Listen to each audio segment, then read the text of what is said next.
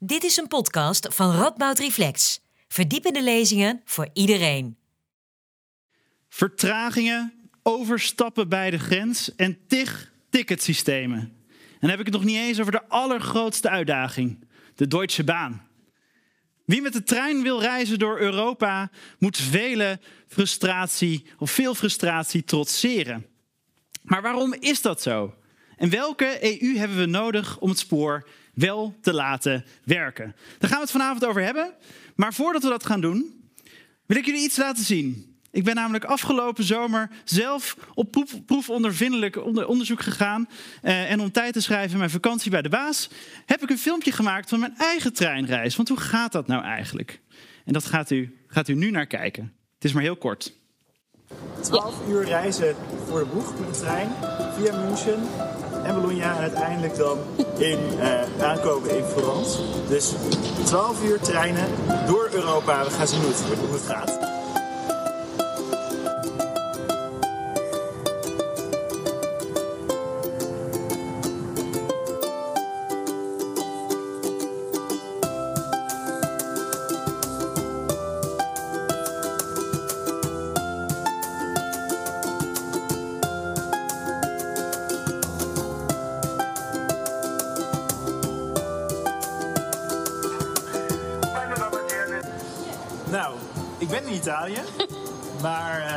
Dat met twee uur vertraging. En we zijn nog niet in uh, Bologna, want er is een lawine of zoiets geweest. Dus we moeten een regionaal treintje verder. Wat betekent dat we vanavond Florence niet gaan halen. Yay, Europees treinnetwerk.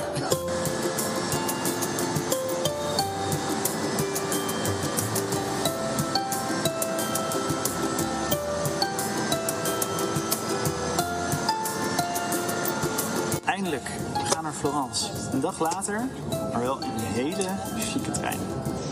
Yay! We zijn eindelijk in Florence. Dus, we gaan de stad bekennen.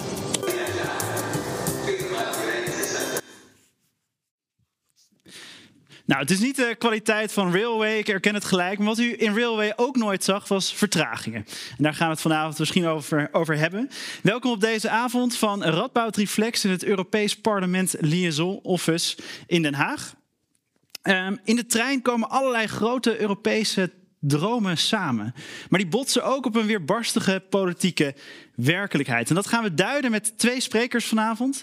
De eerste is Dorien Rookmaker. Zij is Europarlementariër namens de Europese Partij Meer Directe Democratie. En ze was ook ooit oud-medewerker van ProRail, waarmee ze onder andere in die tijd heeft voorkomen dat, er, dat het uh, station in Arnhem één grote glazen wokkel was. Heb ik mij laten vertellen. Um, verder heeft ze zich nu vastgebeten in het hoge snelheidslijnen dossier. En zij gaat daar zo meteen van alles over vertellen. Hoe werkt dat nou binnen de EU? De tweede spreker is Gijs-Jan Brandsma. Hij is bestuurskundige en politicoloog. En hij doet onderzoek naar besluitvorming binnen de Europese Unie. Hij werkt hier aan de Radboud Universiteit en daarnaast is hij ook een groot treinenfanaat. En zoals u kan zien heeft hij zijn modelspoor meegenomen om straks iets te laten zien. Dat zult u zo meteen wel horen. En ik ben Adriaan Duivenman, ik ben programmamaker bij Radboud Reflex en ik leid deze avond. En om kort het spoorboekje met u door te nemen. We beginnen dus met een lezing van Doreen Rookmaker, daarna een lezing van Gijs-Jan Brandsma. Daarna ga ik met hen in gesprek hiervoor aan. En tot slot is er ruimte voor u om vragen te stellen. Dus geef een hartelijk applaus voor Doreen Rookmaker. En dan zien.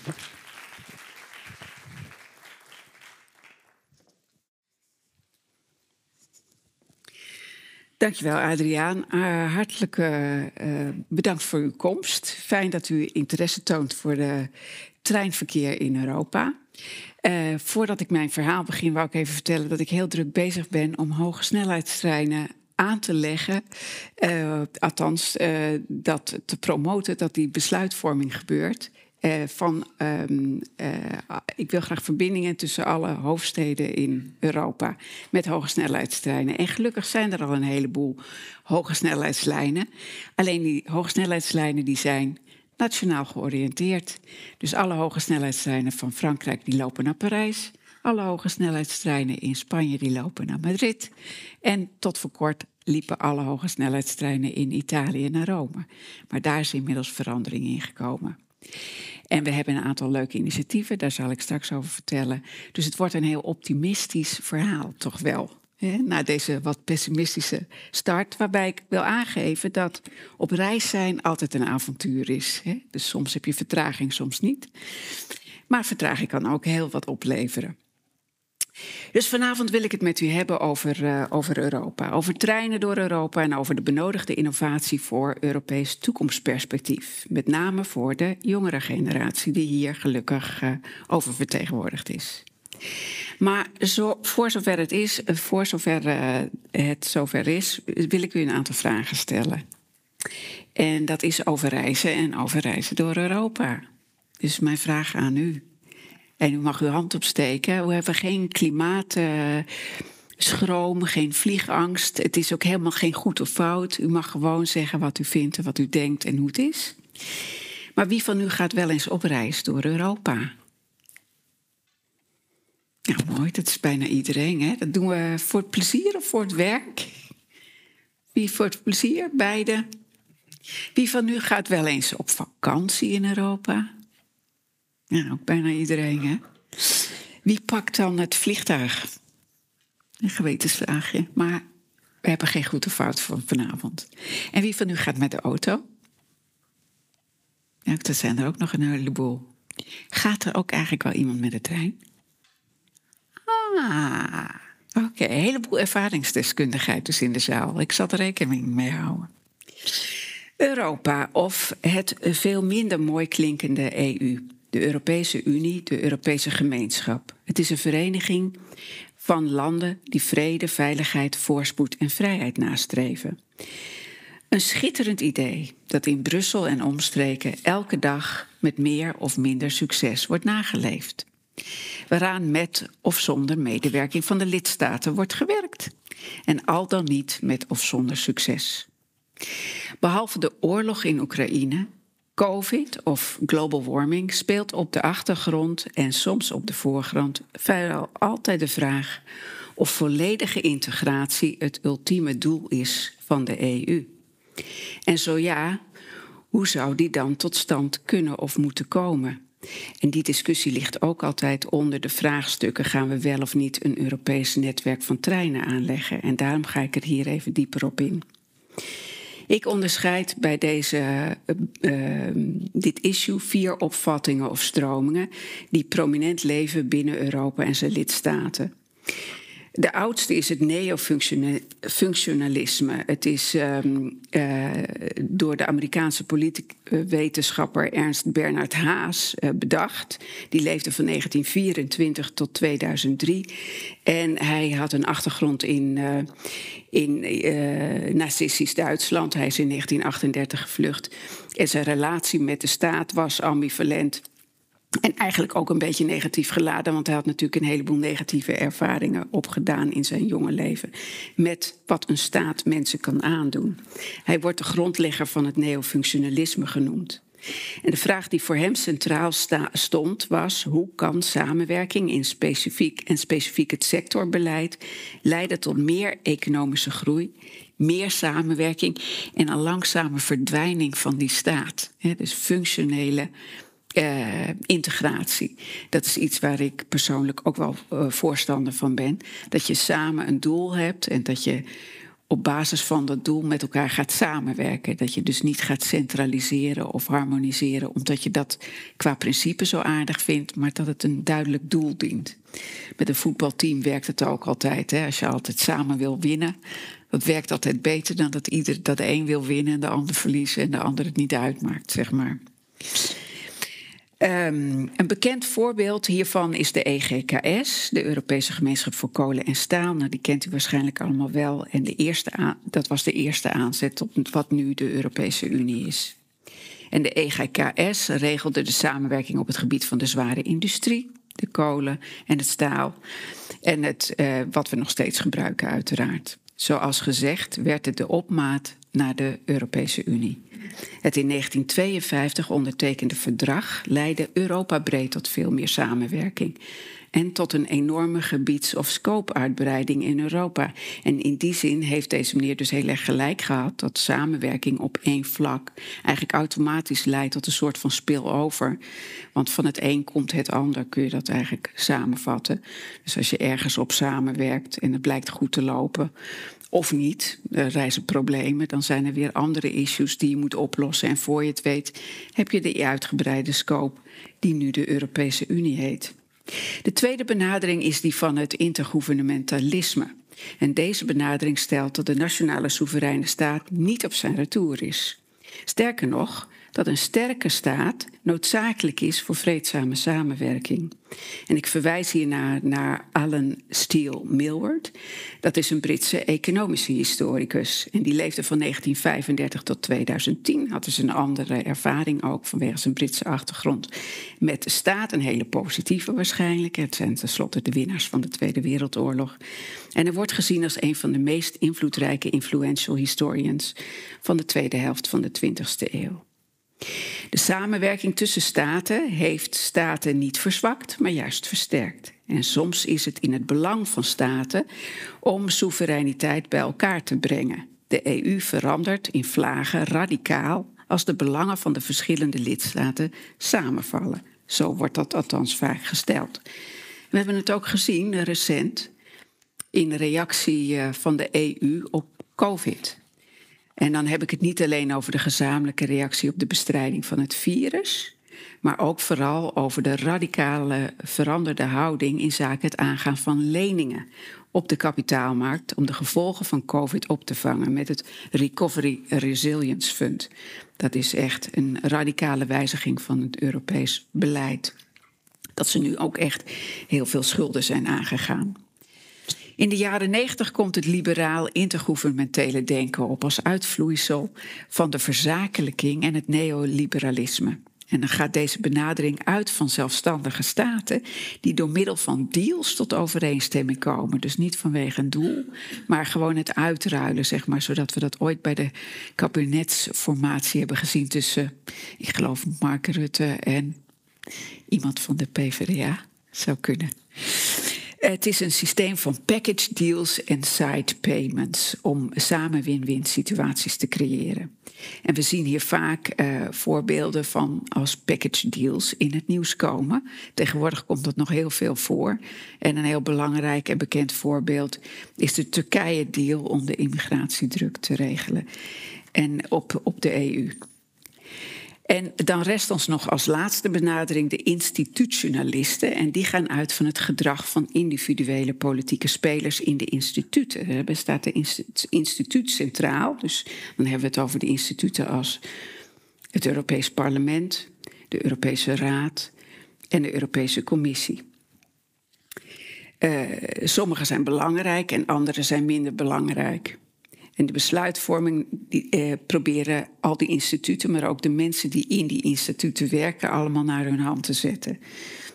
En je hebt daar binnen die institutionele stroming, die dus heel erg sociologisch eigenlijk is, heb je drie uh, aparte benaderingen: rationeel, sociologisch en historisch.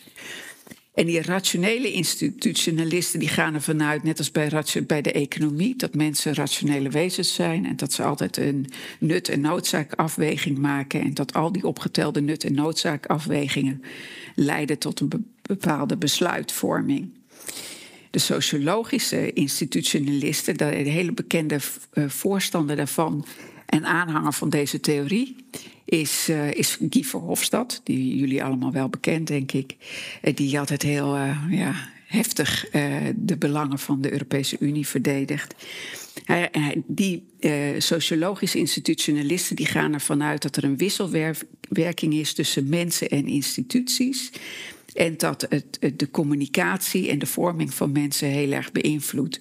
Ze zijn in, de, in het geval van zo iemand als Guy Verhofstadt ook wat eh, idealistisch in de zin dat ze ervan uitgaan dat deze interactie ook een verbetering tot stand brengt, dat de mens daar ook een beetje beter van wordt. En tenslotte heb je ook de historische institutionalisten. Die zijn wat kritischer. Die zeggen ja, allemaal leuk en aardig, maar als jij uh, en dat is, komt steeds meer uh, naar voren. Je hoort dit geluid steeds vaker. Dat als je in, in het verleden bepaalde besluiten hebt genomen, dan beperkt dat soms je be, besluitvormingsvrijheid in, de, in het heden of in de toekomst. Want alles wat je al besloten hebt, met name in die hogere uh, internationale organisaties zoals de EU en de VN. Als je daar één keer met z'n allen een besluit hebt genomen, is het vaak heel lastig om te wijzigen. En, uh, en dat beperkt je besluitvormingsvrijheid. Een Amerikaanse politieke wetenschapper, Paul Pearson, Pearson, die legde hier in 1996 de nadruk op. Hij zei dat het toekomstig handelen kan worden beperkt door regelgeving in een soms ver verleden. En een voorbeeld hiervan is de huidige discussie over de stikstof. En de stikstofcrisis kun je eigenlijk al wel zeggen in plaats van crisis. In het verleden hebben we de besluiten gehad dat we bepaalde Natuur 2000 gebieden gingen aanwijzen. En nu worden we daar met de gevolgen van geconfronteerd. En die zijn niet altijd geanticipeerd. Dus die zijn ook voor een deel onverwacht. Voor een deel ook niet. Wat de institutionalisten met elkaar gemeen hebben, is dat zij het functioneren van instituten, parlement, commissie en raad, om de belangrijkste te noemen, in hun analyse van de werking van de EU en de integratie van Europa betrekken. Nou, dit is even een theoretisch kader. En het helpt je, althans mij, enorm om toch een beetje die theorie paraat te hebben om te begrijpen in wat voor wereld je verzeild raakt. Want zoals jullie misschien weten, ik ben er nog niet zo heel erg lang uh, aangekomen. In het politieke debat van vandaag gaat het niet zozeer over een theoretisch kader, waardoor we de integratie van Europa beter kunnen begrijpen, maar meer over de wenselijkheid van verdere integratie. En dat hele debat wordt, uh, is heel erg gepolariseerd aan de ene kant heb je de federalisten, en die worden door de overkant de centralisten genoemd. Dat zijn mensen die graag meer macht en besluitvormingskracht, kun je zeggen, naar Brussel uh, zien verplaatsen. En daartegenover zie je de gouvernementalisten, of de zogenaamde soevereinen. En die vinden het juist belangrijk dat de staat, de, lidstaten als vereniging, nog zelf een heleboel macht behouden. En dat is dus meer een soort coöperatie van staten die met elkaar uh, samenwerken op fronten waar dat ook nuttig en nodig is. We herinneren ons vast allemaal nog wel het referendum over de Europese grondwet, waarbij Nederland, maar ook Frankrijk in meerderheid tegenstemden. En een mildere versie daarvan werd alsnog vastgelegd in het Lis uh, Lissabon-verdrag. En vanuit de liberale en socialistische hoek van het Europees Parlement gaan steeds weer stemmen op om het veto- of unanimiteitsbeginsel af te schaffen en grotere stappen te maken met integratie. En dat zou nodig zijn voor besluitvorming in de Europese Unie. De meningen daarover liggen in het parlement, maar ook in de Europese Raad ver uit elkaar. En de strijd om de macht is echt in volle kracht gaande en dat merken we dagelijks. De EU is verdeeld in Zuid tegenover Noord, wanneer het financieel en economische kwesties betreft. Maar het is verdeeld in West en Oost als we het over culturele integratie en rechtsstatelijkheid hebben. Al spelen de kwesties van economische uh, zaken ook wel tussen West en Oost. En de rechtsstatelijke culturele verschillen tussen Noord en Zuid ook wel. Maar je kunt het een beetje op deze manier bezien in schema. Alle kwesties, van de oorlog in de Oekraïne tot COVID, tot de Green Deal, tot de vluchtelingenproblematiek, handelsverdragen, milieuwetgeving, ETS en CBAM, ze kunnen allemaal worden gezien in het licht van de strijd om meer zeggenschap voor Brussel of het verzet ertegen van sommige lidstaten.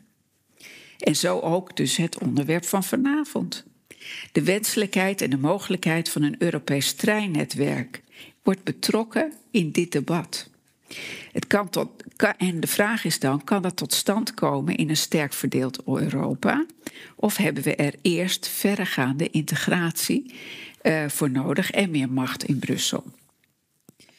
Voordat ik die vraag ga beantwoorden, wou ik nog even eerste vraag beantwoorden. Waarom zouden we überhaupt een Europees hogesnelheidsnetwerk willen hebben? Is dat nodig?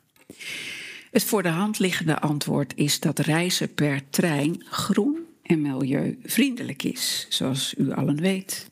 Hoge snelheidstreinen rijden op elektriciteit en wanneer die groen wordt opgewekt, kunnen hoge snelheidstreinen in Europa de perfecte vervanger zijn voor middellange vluchten. Ten tweede is het voor economische groei en de groeiende vraag naar transport belangrijk dat de treincapaciteit sterk wordt uitgebreid. De capaciteit op de weg en in de lucht is beperkt. In de lucht vergeet men dat wel eens, maar er zijn enorme files rond vliegvelden. Het succes van de auto en het vliegtuig keert zich nu tegen deze vormen van vervoer. De weg en de lucht zijn simpelweg te vol. 30% van de capaciteit op vliegvelden wordt gebruikt voor korte en of middellange vluchten. Dus als je die kunt vervangen door hoge snelheidstreinen, zou dat heel handig zijn. Bovendien is reizen per trein veilig en, om er eens een modeterm in te gooien, inclusief. Want iedereen kan gebruik maken van de trein, onafhankelijk van je fysieke gesteldheid, je leeftijd of je koopkracht. Hoge snelheidstreinen leveren ook economische groei op. Elke stad met meer dan 100.000 inwoners blijkt tot 8% extra economische groei te kunnen genereren met een aansluiting op het hoge snelheidsnetwerk. Dat is mooi. Meer ideeel en last but not least, het verdeelde Europa heeft verbinding nodig. Een tastbaar project waar iedereen iets aan heeft. Een gezamenlijk project dat leidt tot samenwerkingsverbanden voor bouw en onderhoud, verdeling van de capaciteit, maar ook voor meer bezoek over en weer, contact, arbeidsrelaties, vriendschappen, liefdesaffaires. Alles kan. Alles bij elkaar zal een beter en uitgebreider hogesnelheidsnetwerk de relaties binnen Europa ten goede komen. Ik bepleit een Europa waarin we met elkaar spreken over verschillen van inzichten en opvattingen in plaats van elkaar te veroordelen en de maat te nemen. Het uit de hand lopen van polarisatie en conflicten brengt verspilling met zich mee van energie, maar ook van negatieve emoties. En we hoeven het niet altijd met elkaar eens te zijn in, om in Europa goed te kunnen samenwerken. Maar elkaar begrijpen helpt wel en dat lukt alleen als we elkaar ontmoeten en naar elkaar luisteren. Respect is hierbij het sleutelwoord. Een centralist of federalist zal de legitieme wens voor een HSL-netwerk aangrijpen om te wijzen op de noodzaak van Europese integratie. Het TNT-programma, het grootste infrastructurele programma ter wereld van de EU, is een voorbeeld, zo stellen sommigen, van hoe het niet moet. De verschillen in technische standaarden en politieke belangen, te krappe budgetten, en politieke verdeeldheid zorgen hier voor vertraging. En dan krijg je dus die roep om centralisatie, meer macht naar Brussel. En hoewel het een en ander tot stand is gebracht, het verdient inderdaad de schoonheidsprijs niet. Maar het kan ook anders. Ik vind dat we de aanleg van een EU-hogesnelheidsnetwerk niet moeten vertragen met discussies over nut en noodzaak van verdere integratie van de EU. Want vooralsnog zie ik geen eind komen aan het getouwtrek tussen federalisten enerzijds en soevereinen anderzijds. En wachten op een einde van deze controverse kan een eeuwigheid duren en zoveel tijd hebben we niet. Ik ook niet trouwens, heb ik begrepen. Europa denkt nog een grote voorsprong op de rest van de wereld te hebben en die met nieuwe wetgeving en standaarden te kunnen behouden. Maar dat is een misvatting in mijn ogen. We worden snel ingehaald door landen als China, India en Brazilië. Die drie BRICS-landen die samen zo'n 40% van de wereldbevolking vertegenwoordigen. Ruim 3,1 miljard inwoners tegenover circa 450 miljoen van de EU. De EU is ongeveer een factor 7 kleiner.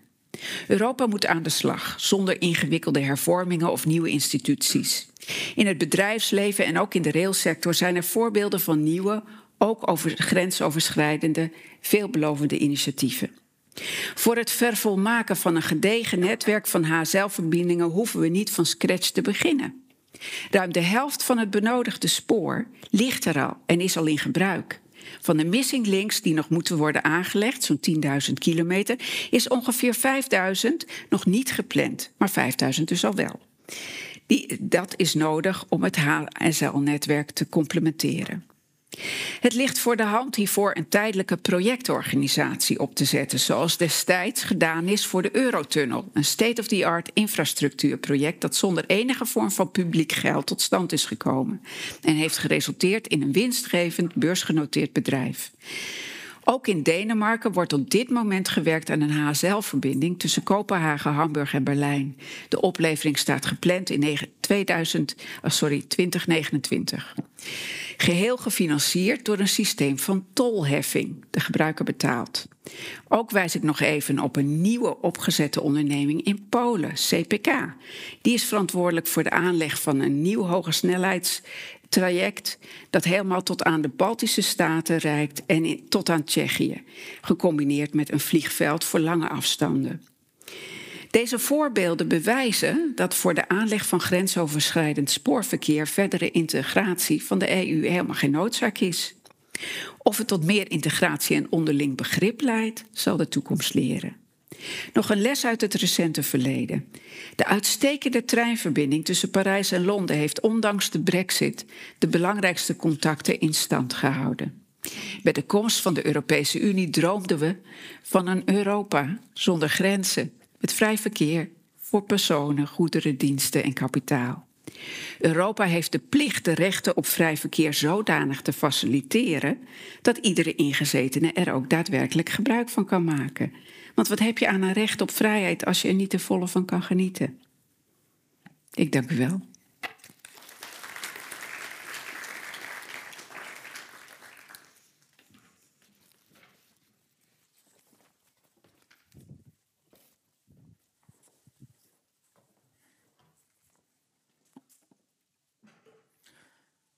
Welke toekomst heeft het spoor en wat is de rol van de Europese Unie daarin? Uh, er zitten twee kanten aan het verhaal wat ik u vanavond wil vertellen. De ene kant is technisch. Hoe breed is het spoor? Hoeveel stroom staat er op de bovenleiding? Wat is technisch en qua regelgeving haalbaar? En de andere kant is politiek. Welke kwaliteit verwachten we van het spoor? Voor welk probleem is de trein eigenlijk de oplossing? En welke rol zien we überhaupt voor spoorvervoer in Europa? En wat betekent dat voor infrastructuur, voor spoorwegmaatschappijen, voor de reiziger, voor de overheid, etc. Hoe kan de EU daarin sturen? En allebei deze kanten zijn belangrijk om te snappen wat haalbaar is op kortere en langere termijn. Het technische verhaal komt erop neer dat er in ieder land organisch een spoorwegnetwerk is gegroeid op geheel eigen wijze. En u vraagt zich intussen af wat dat modelterreintje in de hoek doet. En hiermee wil ik eigenlijk kort inzichtelijk maken wat eigenlijk de kern van het probleem is. En ik haal even een stukje spoor eruit, wat we in het echt niet kunnen doen. U ziet hier twee stukjes spoor die even breed zijn, maar die toch niet op elkaar passen. Dit is in een notendop het probleem tussen de Europese landen. De stroomvoorziening is anders, de beveiliging is anders. En kort gezegd komt het erop neer, als je een trein van de ene spoorwegmaatschappij op het spoor zet van de ander, dan krijg je kortsluiting. Ik had het hier graag willen demonstreren, maar dat mocht niet van de universiteit. Dit betekent dat je niet zomaar met een Nederlandse trein een ander land kunt binnenrijden. De seinen en de beveiliging en de stroom op de bovenleiding en soms ook de breedte van het spoor zelf, het is, niet lang, het is lang niet altijd met elkaar compatible. Dus in theorie betekent dat stoppen aan de grens, overstappen, andere locomotief ervoor, etc. En dat vreet tijd. Dan zou je zeggen, verbouw het allemaal tot één Europese standaard. Maar ieder nationaal netwerk is zodanig groot dat je dat niet zomaar even verbouwt. Dan het politieke verhaal. Het politieke verhaal komt erop neer dat de spoorwegen al meer dan 175 jaar een absoluut hoofdpijndossier zijn voor de staat. De eerste spoorlijnen in Europa werden door rijke industriëlen gebouwd, die simpelweg lijnen bouwden die van A naar B liepen. En daarvoor leenden ze geld van aandeelhouders en ook van de overheid. En de staat betaalde er maar wat graag aan mee, want eindelijk kon je dan sneller door het land komen dan met de trekschuit of met paard en wagen. De auto was toen nog niet uitgevonden. Maar ja, In de praktijk bleken de kosten toch hoger dan gedacht. De opbrengsten vielen vaak tegen en zo zijn er een heleboel van dit soort kleine particuliere spoorlijntjes op de fles gegaan.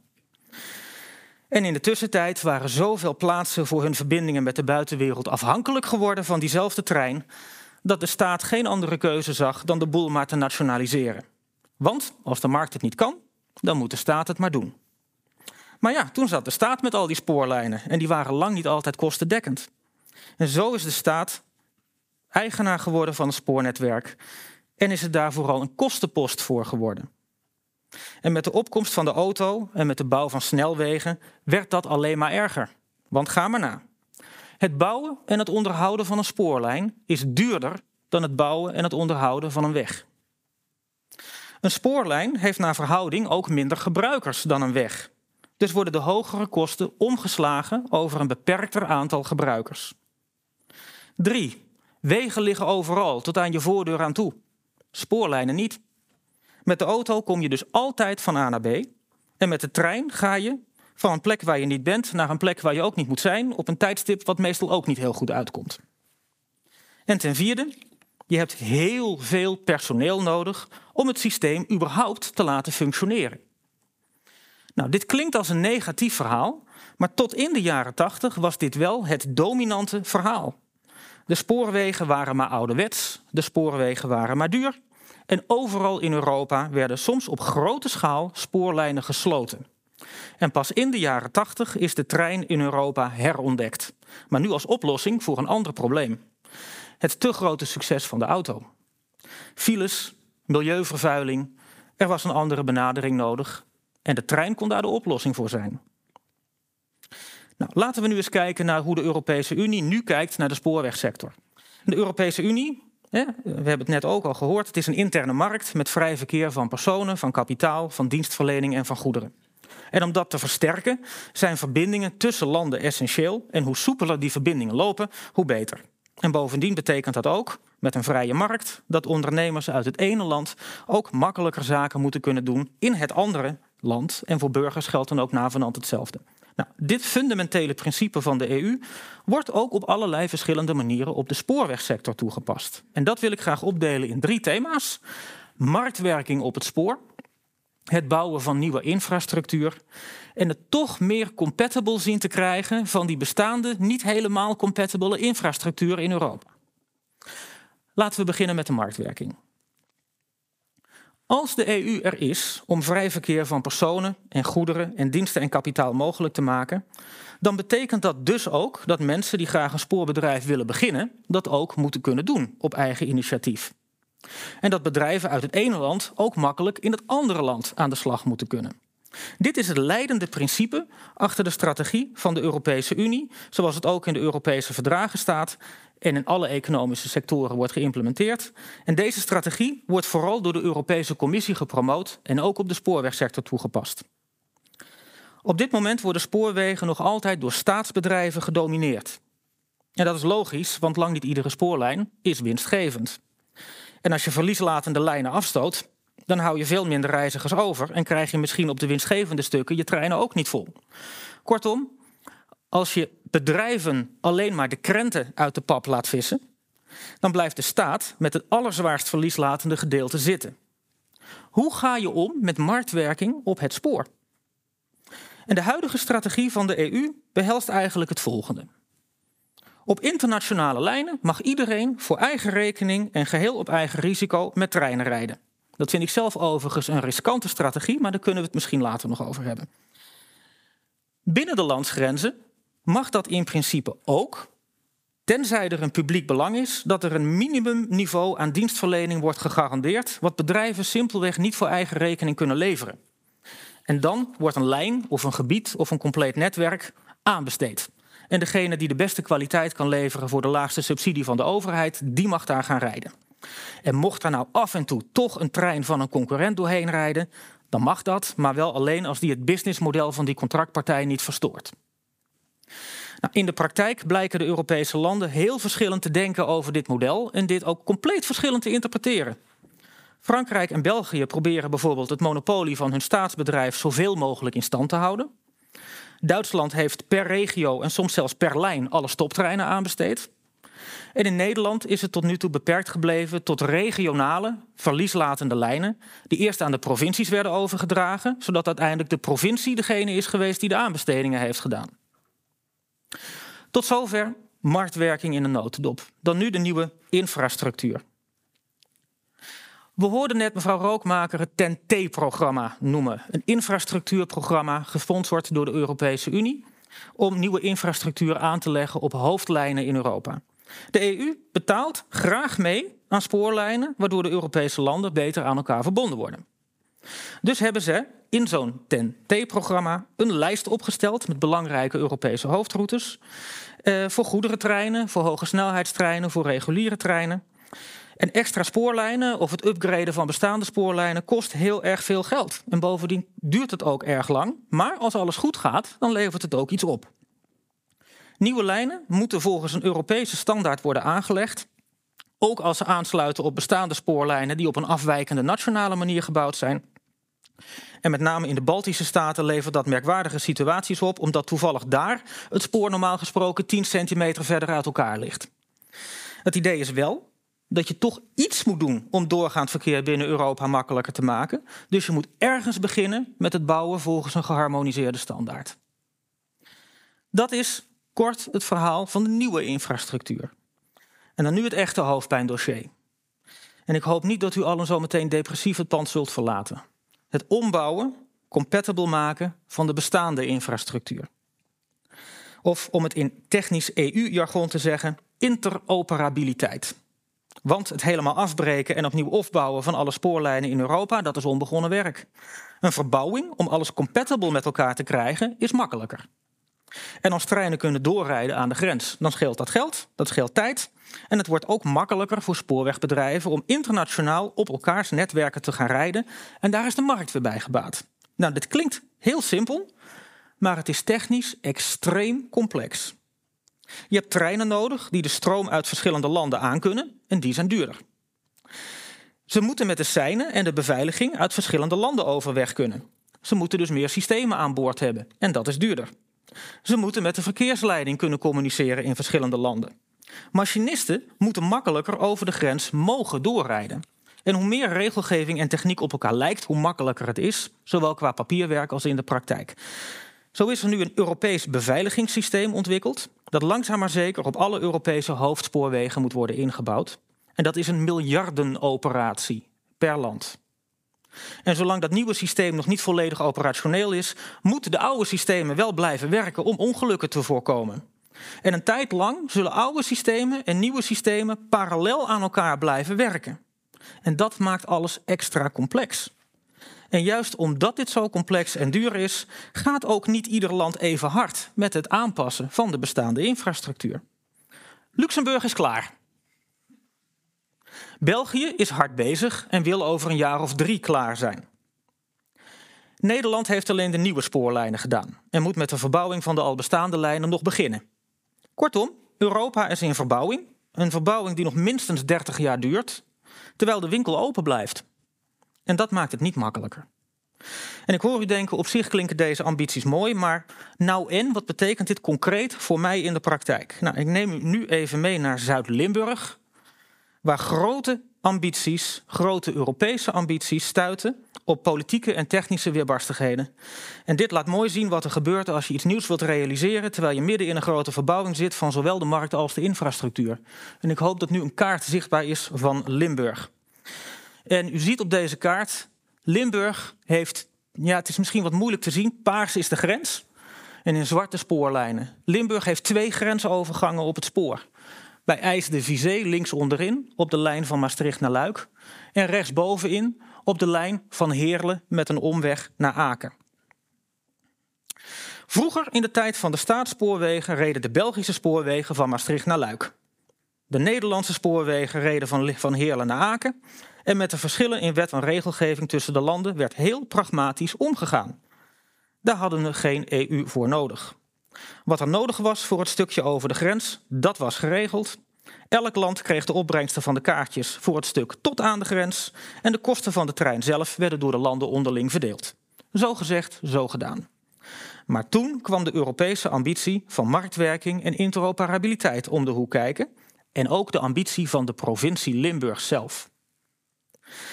In het kader van de marktwerking had Nederland ervoor gekozen om regionale treinen in Limburg aan te besteden. En daarmee kwamen ook de afspraken met de Duitse en Belgische buren in Limburgse handen te liggen. En daar kwam de Limburgse ambitie bij dat het wel heel mooi zou zijn als die trein uit Luik via Maastricht zou doorrijden via Heerlen naar Aken. De drie-landen-trein. Zo gezegd, zo gedaan. Er kwam een aanbesteding voor de hele regio, inclusief de drie-landentrein. En uiteindelijk werd die gerund aan Arriva, die hier ook in de omgeving rijdt. Arriva, trouwens, lijkt een particulier bedrijf, maar is een volledig dochterbedrijf van de Deutsche Bahn. Drie landen, drie stroomsystemen, drie beveiligingssystemen. Dat moest een trein allemaal aan boord hebben. En dus was er een nieuwe trein nodig. Die werd gekocht bij de fabriek, afgeleverd en toen gebeurde er iets merkwaardigs. Op basis van exact dezelfde Europese regels werd de trein goedgekeurd in Nederland, met vertraging goedgekeurd in Duitsland en keihard afgekeurd in België. En de reden? Het was een nieuwe trein. En volgens de Belgische interpretatie van de regels moesten nieuwe treinen het nieuwe Europese beveiligingssysteem aan boord hebben, terwijl dat systeem nog helemaal nergens op die lijn, ook in België niet, werd gebruikt. Wat ook meespeelt, Nederland en Duitsland hebben een marktmodel waarbij de lijnen of regio's worden aanbesteed. België heeft altijd van de uitzonderingen in de Europese regels gebruik weten te maken, waardoor er nog geen enkele passagiersverbinding in België überhaupt is aanbesteed. Alles is nog steeds in handen van een nationale maatschappij der Belgische spoorwegen. En het idee dat er een particuliere trein naar Luik zou rijden, daar voelde België weinig voor. Dus moesten er afspraken gemaakt worden over Belgische machinisten en conducteurs op het traject tot aan de grens. En dat ook duidelijk zou worden dat dit een trein was in samenwerking met België, in plaats van een Arriva-trein in België. De aanbesteding ging in 2015 open. In 2018 had de trein moeten rijden, maar op dit moment rijdt deze trein nog altijd niet. De bedoeling is nu december dit jaar. Wat ik hier maar mee wil zeggen, zelfs al is iedereen ervan overtuigd dat een trein de oplossing is in plaats van het probleem, dan nog moeten we niet de verwachting hebben dat de trein als oplossing ook heel snel resultaten gaat opleveren. Nu we midden in een grote verbouwing zitten, zien we het geheel voor onze ogen wel langzaam maar zeker opknappen. Maar het werkt pas echt goed als het helemaal klaar is. En tot die tijd blijft het een beetje schipperen. Dank u wel.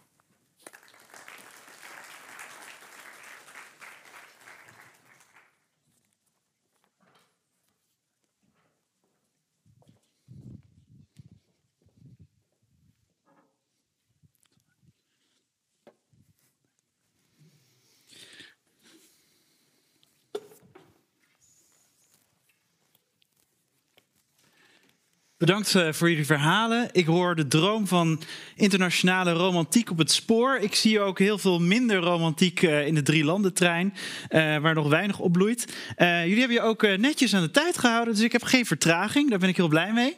Laten we starten. Ehm, mevrouw Rookmakers, u Rookmaker, u bent helemaal vanuit Brussel deze kant op gekomen. Dat waarderen wij zeer. Ehm, hoe bent u gekomen? Met de trein. Met de trein. En hoe was dat? Heel comfortabel, veilig, gezellig. Ik ben samen met mijn uh, assistent hierheen gereisd. Thalys had zeven minuten vertraging. Toen moest ik een half uurtje wachten op Schiphol. En toen kwam ik iets te laat in Nijmegen aan. Maar ik heb hier toch heerlijk gegeten. en ik was zo gepland dat het allemaal prima in orde kwam.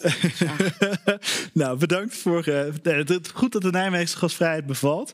Um, u bent zich, heeft zich als Europarlementariër vastgebeten op dat dossier van die hoge snelheidslijnen. Um, er zijn zoveel dossiers binnen de Europese Unie. Waarom dacht u toen u startte, dat is mijn onderwerp? Uh, toen ik in de Europese Unie kwam, was dat vanwege Brexit. Het was een verrassing voor iedereen en ook voor mijzelf. Ik, heb, ik ben van huis uit bankier. Ik ben uh, opgeleid en getraind uh, bij ABN AMRO. Maar ik heb ook bijna tien jaar gewerkt bij ProRail. En um, ik heb daar zelf ook zowel bij de bank als bij ProRail heel veel last gehad van de Europese Unie als risico- en compliance officer. Dus um, ik dacht, ik, uh, die wetten en regels die in, in de Brusselse bubbel worden gemaakt en die weinig praktisch zijn, die zouden eigenlijk anders moeten.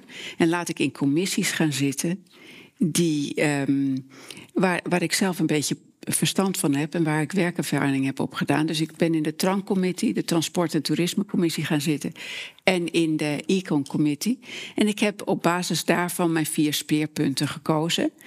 En een daarvan was dus een hoge snelheidslijn, omdat ik vanuit mijn studie politicologie in Leiden in de jaren tachtig ook over functionele integratie had geleerd. En dat spreekt me enorm aan in plaats van het centralisme en het integreren om het integreren. En uh, mijn andere drie speerpunten zijn volledige transparantie van het Europese budget, zodat er vertrouwen kan ontstaan, minder wet en regelgeving en aansluiting van de Balkanstaten bij de Europese Unie, zodat we geen oorlog krijgen in voormalig Joegoslavië. Grote Europese dromen, maar toch weer terug naar die trein. Die trein was dus niet alleen iets waar je ervaring mee had, maar er zit ook idealisme achter. Zeker. Ik denk dat dat heel goed is om een ideaal te hebben en uh-huh. een doel te formuleren. Ik vind wel dat het heel praktisch moet zijn. En dat je zit daar voor het volk. Je bent volksvertegenwoordiger. Dus je moet iets doen waar iedereen wat aan heeft. En je zit er niet voor een bepaald belangetje. Dus uh, hoge snelheidstreinen leek mij goed. Vooral omdat uh, uh, je met het aanleggen van hoge snelheidstreinen tussen de verschillende hoofdsteden de nieuwe technologie kan gebruiken. Dus al dat gepruts wat ze, waar ze mee bezig zijn in Zuid-Limburg, dat speelt bij de hoge snelheidslijn helemaal niet. En um, ja, ik denk dat Europa erom zit te schreeuwen om nou ja, lintjes te kunnen doorknippen, feest te kunnen vieren en, en met elkaar te kunnen uh, rijden door Europa. Dus heeft gewoon het vrolijkste onderwerp uitgekozen. Nou, ik denk dat ik uh, een beetje. Ja, ik ben een optimistisch mens. En ik denk dat ik van elk onderwerp wel een vrolijk onderwerp zou kunnen maken. Maar op het immigratiedossier is dat misschien wat lastig. Mm-hmm. Maar bij stikstof zou ik het willen proberen. Oké, okay, nou wie weet uh, voor een andere keer een vrolijke avond over stikstof. Um, Gijs-Jan, jij bent een, een politicolo politicoloog en bestuurskundige. Jij, bent, jij zit ook helemaal in de treinen. Waarom is voor jou die trein zo interessant? Nou, ik snap natuurlijk dat als je je eigen modeltrein meeneemt naar zo'n gelegenheid, dat je bij voorbaat verdacht bent. um, maar puur vanuit het hele perspectief van de Europese Unie is uh, het spoorwegsector ook een buitengewoon interessante om naar te kijken. Um, vanwege het hele vrij verkeer van goederen, diensten um, uh, en personen in Europa zien we dat er uh, al sinds de oprichting van de, van de Europese Economische Gemeenschap erop is ingezet om markten te liberaliseren. En eigenlijk is de spoorwegsector een van de allerlaatste markten waar dat gebeurt. Mm-hmm. Uh, bij telecom is dat veel eerder gebeurd. Bij energie is dat veel eerder gebeurd. Uh, de postmarkt is zelfs grotendeels geliberaliseerd. Niet volledig. Uh, de luchtvaart is ook vrijwel geheel geliberaliseerd. Wat blijft er over? De spoorwegsector. Dat is een van de laatste markten waar die integratie, de marktopenstelling, eigenlijk geen, geen echte doorbraak heeft gekregen. En dat maakt het interessant om het krachtenveld te bekijken. En dat krachtenveld, dat onderzoek jij. Je kijkt naar hoe verschillende Europese instellingen samen tot besluiten komen. Um, Europa is voor veel mensen ver weg. Zelfs uh, Brussel is misschien niet zo uh, heel ver met de trein, maar voelt verder dan dat. Um, u noemde het net zelfs de Brusselse bubbel. Um, Gijs-Jan, als je me even doorprikt, heel in het kort. Hoe komt zo'n besluit als dat TEN-T-programma bijvoorbeeld, dus dat infrastructuurprogramma, hoe komt zo'n besluit tot stand? Wil je het lange antwoord of het korte Nee, het antwoord? hele korte antwoord. Korte antwoord. Nou, uiteindelijk komt het erop neer dat zowel de nationale regeringen van de 27 landen van Europa in grote meerderheid, als de Europese Commissie, als een meerderheid in het Europees Parlement het met elkaar eens moeten zijn daarover. Dus er moet een initiatief worden ontwikkeld en er moet veel draagvlak voor gecreëerd worden.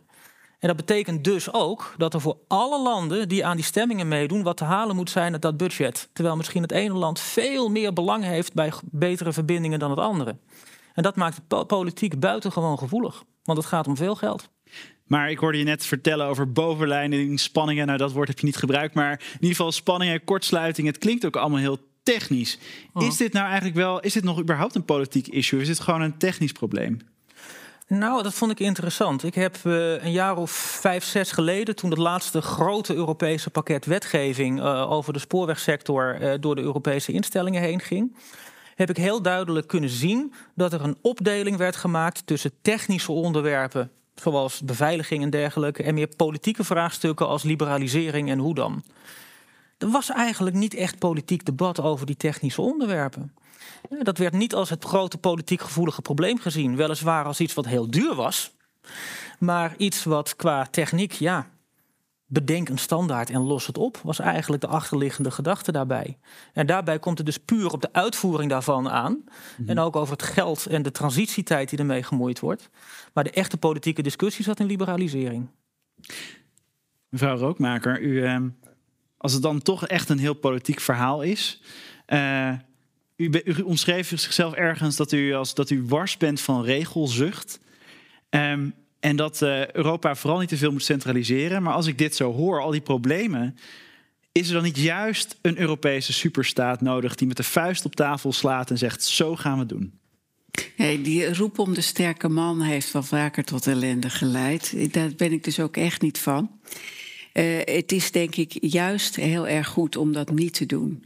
Uh, ik geef even een ander voorbeeld. Uh, van huis uit ben ik bankier. Ik ben nu bezig met wet en regelgeving over derivatenhandel. Dat is een technisch verhaal. Maar daar is dus een voorstel uit de commissie gekomen om gedwongen handel van Londen naar Frankfurt te verplaatsen.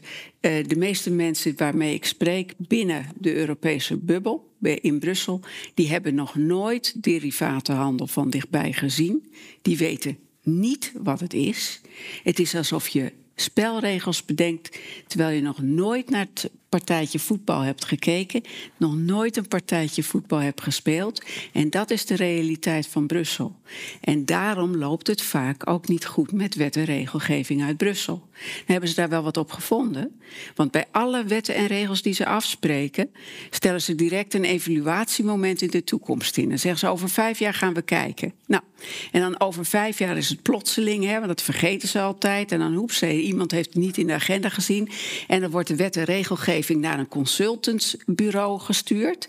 En dat consultancybureau, dat vindt natuurlijk altijd wat. Die gaat nooit zeggen, nou deze regel is goed of schaf deze maar af, want deze leidt nergens toe. Nee, die heeft altijd weer puntjes op de i en et cetera. En dan gaat het hele circus weer van voren af aan. We zijn nu bij de derivatenhandel inmiddels nummer drie vanaf 2012. Mhm. En dit is nou exact wat er dus ook met het spoor aan de hand is.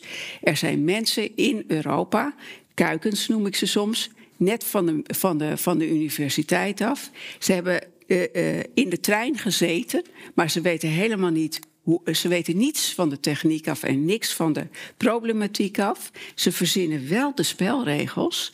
En zoals ook openbare aanbestedingsregels bijvoorbeeld. Uh, worden daar verzonnen zonder dat men echt ervaring heeft hoe het gaat.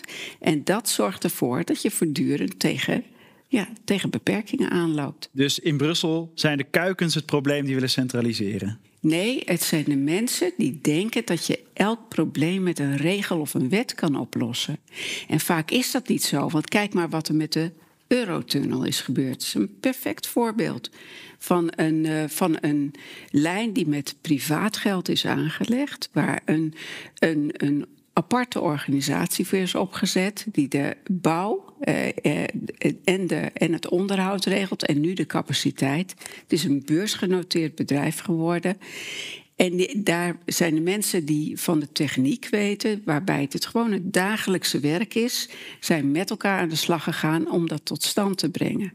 En eh, sommige dingen Kijk, als, er dan, als dan blijkt dat ze in de praktijk tegen problemen aanlopen en dat er toch nog uh, regels nodig zijn, dan is het goed dat je dat van bottom-up doet.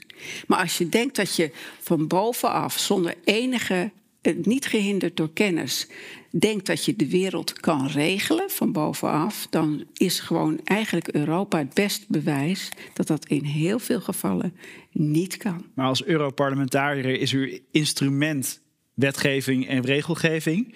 Um, maar daar bent u niet van. Dus hoe kan u dit dan wel regelen? Ik denk dat uh, uh, het niet zo is dat ik alle wet en regelgeving slecht vind, maar ik denk dat het voor Europa heel belangrijk is dat ze faciliteert. Dus dat ze dingen mogelijk maakt en stimuleert. Je kunt als, uh, als bestuurder heb je eigenlijk twee instrumenten. Je hebt je regels en je wetten en je verboden aan de ene kant. En je hebt je geld, hè, je belastingen. Je kunt boetes uitdelen. Je kunt geld halen en je kunt geld brengen. Je kunt subsidies doen. En uh, ik denk dat Europa, omdat het op een hoog aggregatie en een hoog abstractieniveau is, vooral eigenlijk uh, de bomen en de beperkingen weg moet kappen in plaats van nieuwe beperkingen, wetten en regels in moet bouwen. Dus eigenlijk zou de hele ja, innovatieve gedachte moeten gaan leven in Europa. Dat uh, het niet goed op je cv staat als politicus als je een regel maakt en door het proces jaagt. Maar dat het heel goed op je cv staat als je de belemmeringen weghaalt. Zodat er meer ruimte aan vaklieden kan worden gelaten. Gijs-Jan, hoe luister jij hiernaar als uh, bestuurskundige? Nou, ik ben toch iets minder pessimistisch dan mevrouw Rookmaker hierin. Uh, kijk, ik, op zich, ik, ik, ik snap het pleidooi om meer van, vanuit bottom-up te kijken naar wat er nodig is. En vooral mensen die op de werkvloer zelf met problemen te maken hebben, de ruimte te geven om die ook aan te pakken. Tegelijkertijd merk ik juist ook dat op het moment dat er wet en regelgeving op Europees niveau gemaakt wordt, er ook heel vaak wordt besloten om het invullen van technische details vooral niet op het niveau van de grote instellingen zelf te doen, maar vooral over te laten aan Europese agentschappen. Mag ik daar heel eventjes wat op zeggen? Want dat is wel een misverstand in die zin dat het heel vaak zo is dat inderdaad uh, op die manier de Europese Commissie zo opereert.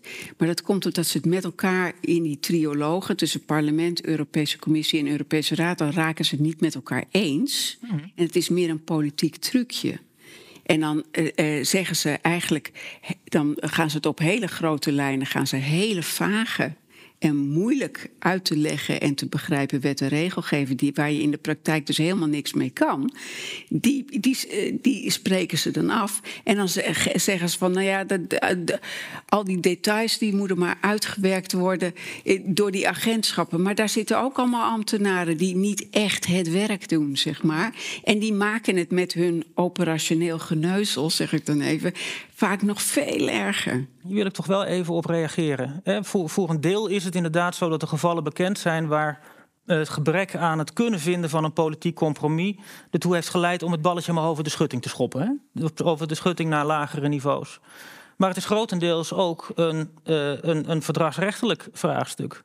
Implementatie en uitvoering is een verantwoordelijkheid van de lidstaten. Zo staat het in het verdrag. En dat betekent dat alle gedetailleerde wet en regelgeving die op nationaal niveau moet worden uitgevoerd in detail, dus ook door nationale actoren, eh, ook eh, in samenwerking met de, in samenspraak met de Europese Commissie, maar door nationale actoren moet worden afgetikt. En dat betekent ook dat er heel veel expertise juist van onderaf naar boven wordt gehaald. Maar ik ben het wel ermee eens. De vraag is dan wie zitten er dan precies aan tafel?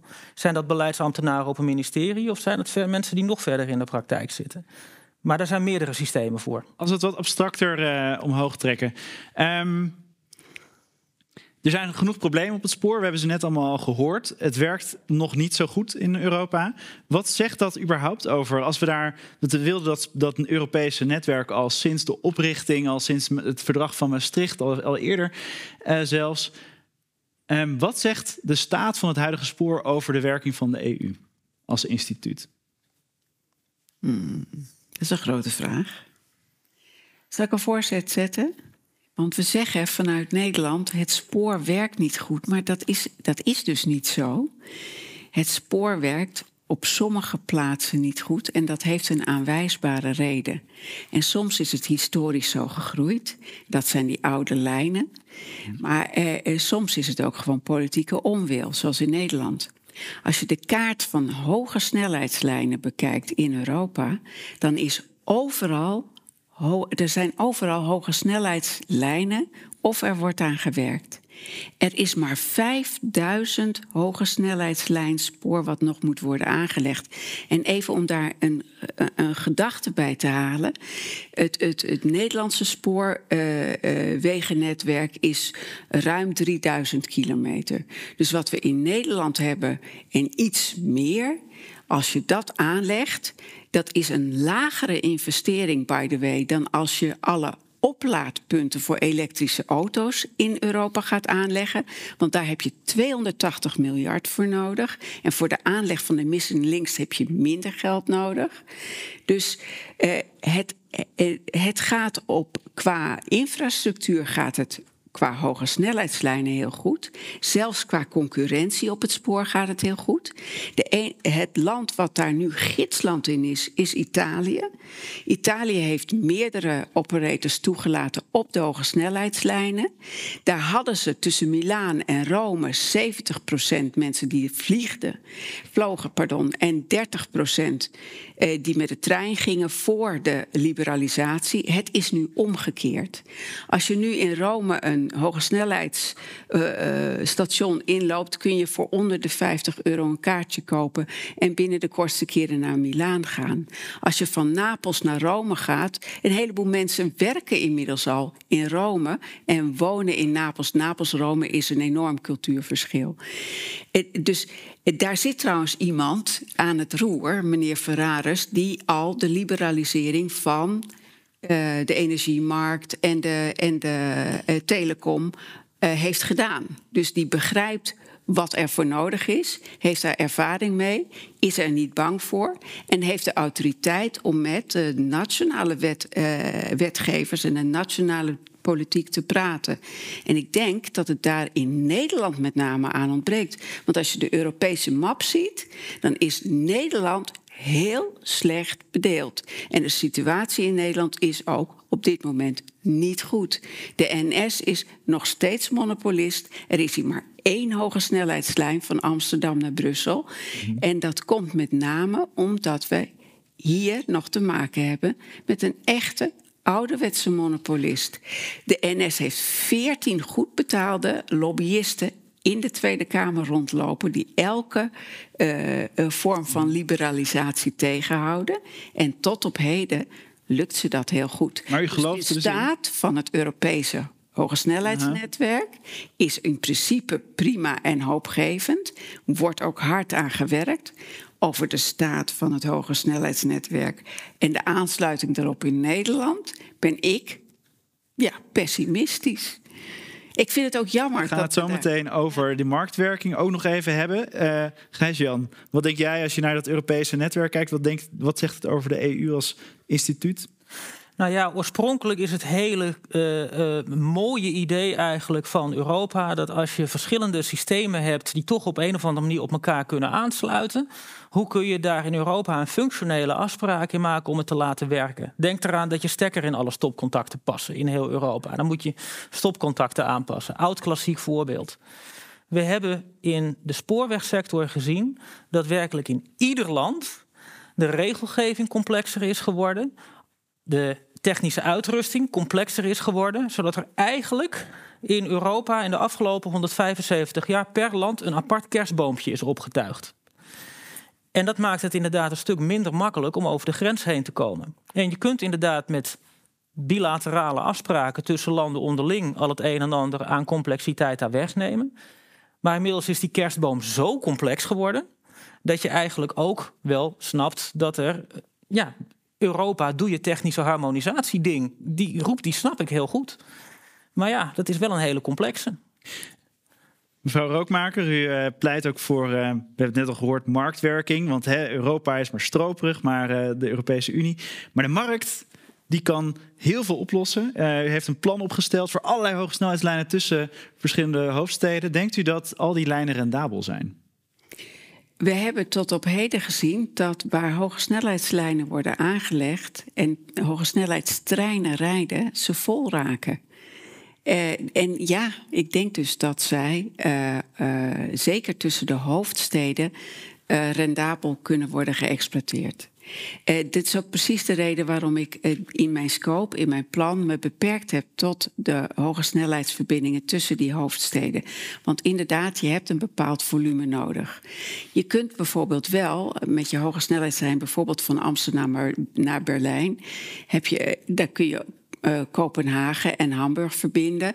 En dan kun je een stop doen, bijvoorbeeld in Groningen. Of je zou dat ook vanuit um, uh, Amsterdam via Enschede naar Hannover, naar uh, Berlijn kunnen doen.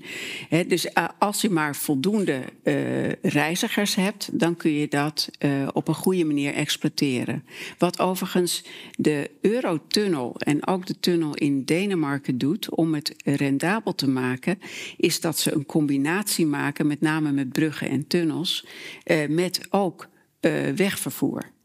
En eh, het tolsysteem, het is dus in Denemarken straks zo dat met name de automobilisten uit niet eens alleen Denemarken, maar zelfs Zweden, eh, met hun wegvervoer het treinkaartje van ons gaan betalen als wij met de hoge snelheidstrein naar Kopenhagen gaan.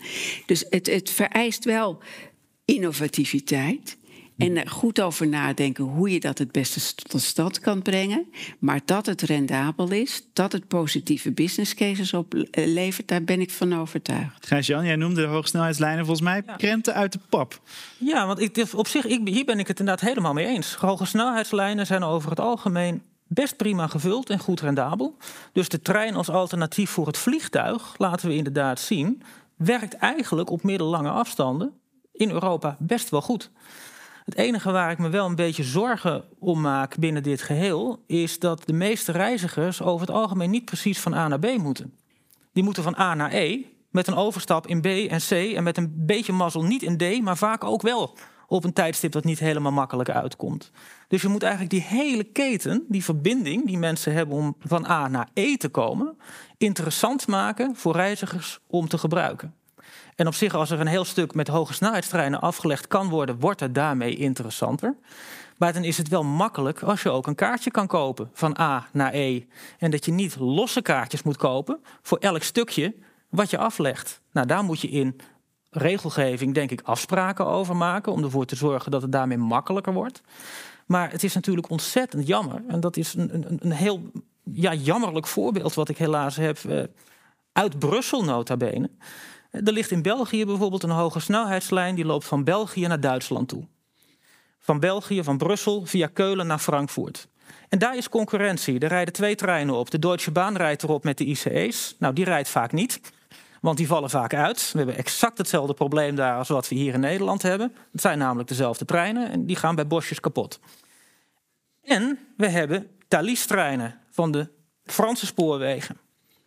Op het moment dat je ICE niet rijdt, omdat je een kaartje van de Deutsche Bahn hebt, dan mag je de Franse hoge snelheidstrein niet in, want je hebt een kaartje van een ander bedrijf.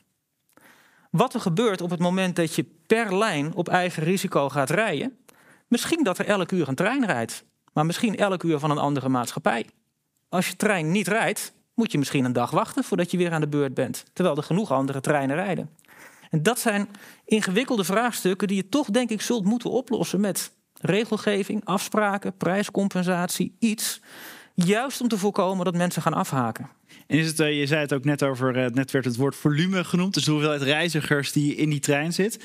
Uh, niet iedereen woont in Amsterdam die naar Berlijn wil, dus dat is, mensen moeten ook naar Amsterdam komen. Dan ben je afhankelijk van de kortere lijnen. Begrijp je dat goed? De conventionele lijnen. Ja. Conventionele lijnen. Dus die moeten ook natuurlijk nog steeds bediend worden. Zijn die altijd rendabel? Sommige wel, sommige niet. Eh, dat is nu ook al zo. Ja. dus uh, de trein van Amsterdam naar Utrecht bijvoorbeeld is een trein die altijd vol zit. Uh, eigenlijk alle treinen waar veel naar studentensteden, eigenlijk ook naar Nijmegen, zit ook altijd vol. Dus uh, die, die lijnen die lopen over het algemeen goed. Maar ja, een, een lijn van Groningen naar, naar uh, Uithuizen of Uithuizen-Mede, die kant op, ja, dat gaat wat, dat, dat, dat gaat wat minder. En het is ook helemaal niet erg dat je bepaalde lijnen als je het, het platteland wil bedienen, dat je die subsidieert. Dat, dat, dat, is, dat, dat, dat is nou een keer zo. Als je daar tegenover winstgevende bedrijven hebt die winstgevende lijnen exploiteren, kun je middels de vennootschapsbelasting uh, de, de sterke schouders de lasten van de regionale lijnen laten dragen. Dus daar zijn ook wel oplossingen voor te bedenken. Dat is ook wel de facto wat er nu gebeurt. Hè? De provincies die besteden de regionale lijnen aan. Die hebben nog veel geld op de balans staan omdat ze de energiebedrijven hebben verkocht uh, een jaar of 15, 20 geleden. Um, en daarmee wordt geld gestoken in regionale openbaar vervoer voor een bepaald kwaliteitsniveau om dat te kunnen bieden.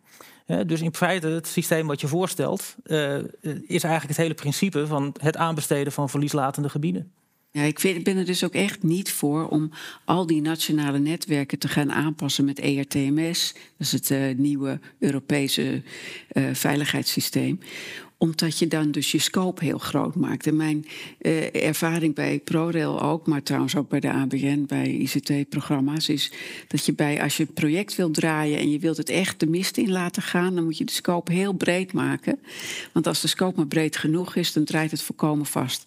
Dus je, je moet je eigenlijk fixeren op, op, een, op een smalle, uh, uitvoerbare opdracht. En uh, als je die goed kan uh, afleveren, dan krijg je ook dat het naar meer smaakt. En wat de Europese Unie heel vaak fout doet, en dat komt natuurlijk ook omdat ze dat wielen en dealen, waar we het aan het begin van de avond over hebben gehad, iedereen te vriend willen houden, dan wordt een scope, een project, wordt allemaal groter. Want die wil wat en die wil wat en die wil wat. Nou, we kennen misschien allemaal wel die ICT-programma's, waarbij elke afdeling zegt: ik wil deze functionaliteit, ik wil dat er nog in, ik wil dat er nog bij, ik wil dat er nog bij. En dan wordt het zo'n enorm programma. En dan verzandt het dus. En dat is een beetje met TNT aan de hand. En ik, ik denk dus dat je ook dit, dit plan van die hoge snelheidslijnen niet in die TNT moet drukken. Want dan druk je eigenlijk een goed plan in een, in, in een trage structuur. Het zou heel goed zijn om dat. Uh, om daar een apart project van te maken. Met een, met een afgebakende schoop. En een meneer Ferraris aan het, uh, het. Oké, ik begrijp het. Um, maar als ik dan toch even de, de lans mag breken voor een, uh, toch een superstaatactie. Frankrijk uh, zijn nu alle vluchten voor die korter zijn dan 2,5 uur verboden. Die mag je mag gewoon niet meer intern vliegen. Moet Brussel dat ook gewoon niet doen? Moeten ze gewoon zeggen: alle vluchten in de Europese Unie onder de 2,5 uur gaan we gewoon niet meer toelaten? Gaan mensen vanzelf met de trein? Ik vind het eigenlijk helemaal niet nodig. Ja, ik bedoel, en in Nederland met de huidige stand van zaken zou je dan. Uh, uh, ja, kom je al heel snel aan 2,5 uur omdat de treinen zo langzaam uh, rijden. Maar als we kijken naar de situatie in Italië, zoals ik al eerder heb gemeld, als die hoge snelheidstreinen rijden, dan heb je helemaal geen wet en regelgeving nodig. Want mensen stappen eigenlijk liever in de trein. Ik zelf ook hoor, by the way. Uh, als, ik, als ik kan, dan ga ik, ga ik met de trein. Uh, omdat dat gewoon comfortabeler is, omdat je niet alles uit hoeft te trekken bij die, uh, bij die veiligheidssituatie. Uh, dus ik denk dat, en dat merk je ook, je ziet het ook, heel veel mensen die landen in Parijs bijvoorbeeld, met een intercontinentale vlucht. Die mensen die stappen eigenlijk allemaal de hoge snelheidslijn in als ze naar Amsterdam willen komen. Dus waar je geen wet en, regel wet en regelgeving nodig hebt, moet je het ook niet doen. En dit is een een hele belangrijke, denk ik. De spoorsector moet heel goed snappen dat ze concurreert met de auto en met het lucht, uh, met, het, met, met aviation, met, met luchtvaart. En dat betekent dat het, de spoorsector, of het nou geprivatiseerd is of een overheidstaak, maar dat ze in de gaten moeten houden dat ze comfortabeler, sneller en veiliger van A naar B moeten gaan. En niet comfortabeler en sneller en veiliger dan gisteren. Mhm. maar comfortabeler, sneller, veiliger, goedkoper dan hun concurrenten, het vliegtuig en de auto. En dit is een utopisch beeld. Um, de laatste vraag voordat we naar de zaal gaan. Niet ik wil je toch uh, niet utopisch, maar wel een mooi beeld. Uh, ik ga gek, gek genoeg net voor de vragen van het publiek ook vragen om een schrikbeeld op te roepen. Wat nou als we in Nederland beslissen om niet aan te sluiten bij het HSL-netwerk? Wat zou dat betekenen voor ons? Hmm, ik ben daarover geïnterviewd, hè? Bert misschien heb je dat interview gelezen. En ik gaf toen aan dat uh, ik, eh, ook om de situatie een beetje in de discussie op scherp te stellen, ik zeg dan zijn wij straks het staphorst van Europa. En, uh, en niks ten nadele van Staphorst. Ik wilde net zeggen, wat is er mis met Staphorst? Nee, ik kom er regelmatig, ik rijd er doorheen... en dan haal ik even uit het raampje en dan roep ik dag mensen. Nee, maar... ik loop er gewoon rond. Nee, maar uh, uh, het, is, het is hartstikke leuk in Staphorst. Maar, maar, wat ik, maar, maar wat ik ermee wil zeggen is... Nederland die, die moet echt wel zorgen dat ze aansluiting houdt... bij de rest van Europa. En met name een stad als Amsterdam die de betere toerist wil hebben... die betere toerist die gaat straks in de trein op citytrip. En als die citytrip niet naar Amsterdam kan, dan gaan ze naar Kopenhagen. En dat dus, is jammer. Dus om de hossende Britten op de bierfiets te voorkomen, maar nette mensen in het Rijksmuseum te hebben, moeten we dus een HSL-lijn hebben. Um, dank jullie wel voor jullie komst en voor uh, jullie verhalen. Dank jullie wel jullie voor jullie komst. En ik hoop u snel weer te zien bij Radboud Reflex.